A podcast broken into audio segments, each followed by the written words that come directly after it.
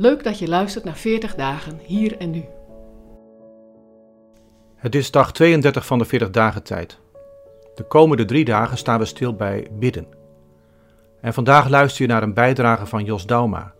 Via zijn website Leven in de Kerk biedt Jos inspiratie voor bijbelse meditatie, contemplatie en gebed. En in de podcast van vandaag gaat het over een manier van bidden die niet heel ingewikkeld is.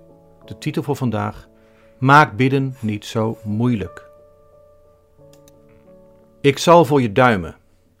Dat zeg je misschien wel eens tegen iemand. Of iemand anders zegt het tegen jou. En met duimen bedoelen we een gebaar met je handen waarbij de vingers even in elkaar verstrengeld zijn en de duimen rondom elkaar worden gedraaid. Zoiets kun je zomaar even doen. En als je zo met je handen samen zit, heb je al een heel bekend gebaar te pakken dat bij bidden hoort. Want veel mensen doen als ze bidden hun handen samen. Zo ben ik opgevoed in het gezin waar ik ben opgegroeid.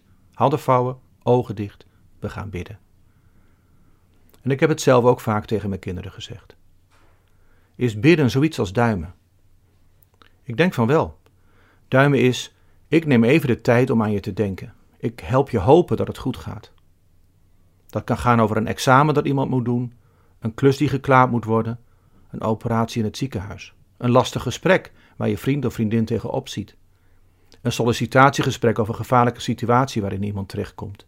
Ik zal voor je duimen. Dat is wat ik graag noem een low-profile kijk op bidden. Ik vertel daarover wel eens aan jongeren die best wel graag zouden willen bidden, maar het nooit doen. Bidden vinden ze best hoog gegrepen. Als ik dan zeg dat duimen net zoiets is als bidden, dan halen ze vaak opgelucht adem. Oh, dan bid ik toch vaker dan ik dacht, zeggen ze. Hoe is dat voor jou? Vind jij bidden moeilijk? Vind jij het soms te hoog gegrepen? Gebruik dan deze vorm eens. Neem een moment om alleen maar je handen te vouwen en even te denken aan iemand. Zo'n gebed komt ook aan bij God.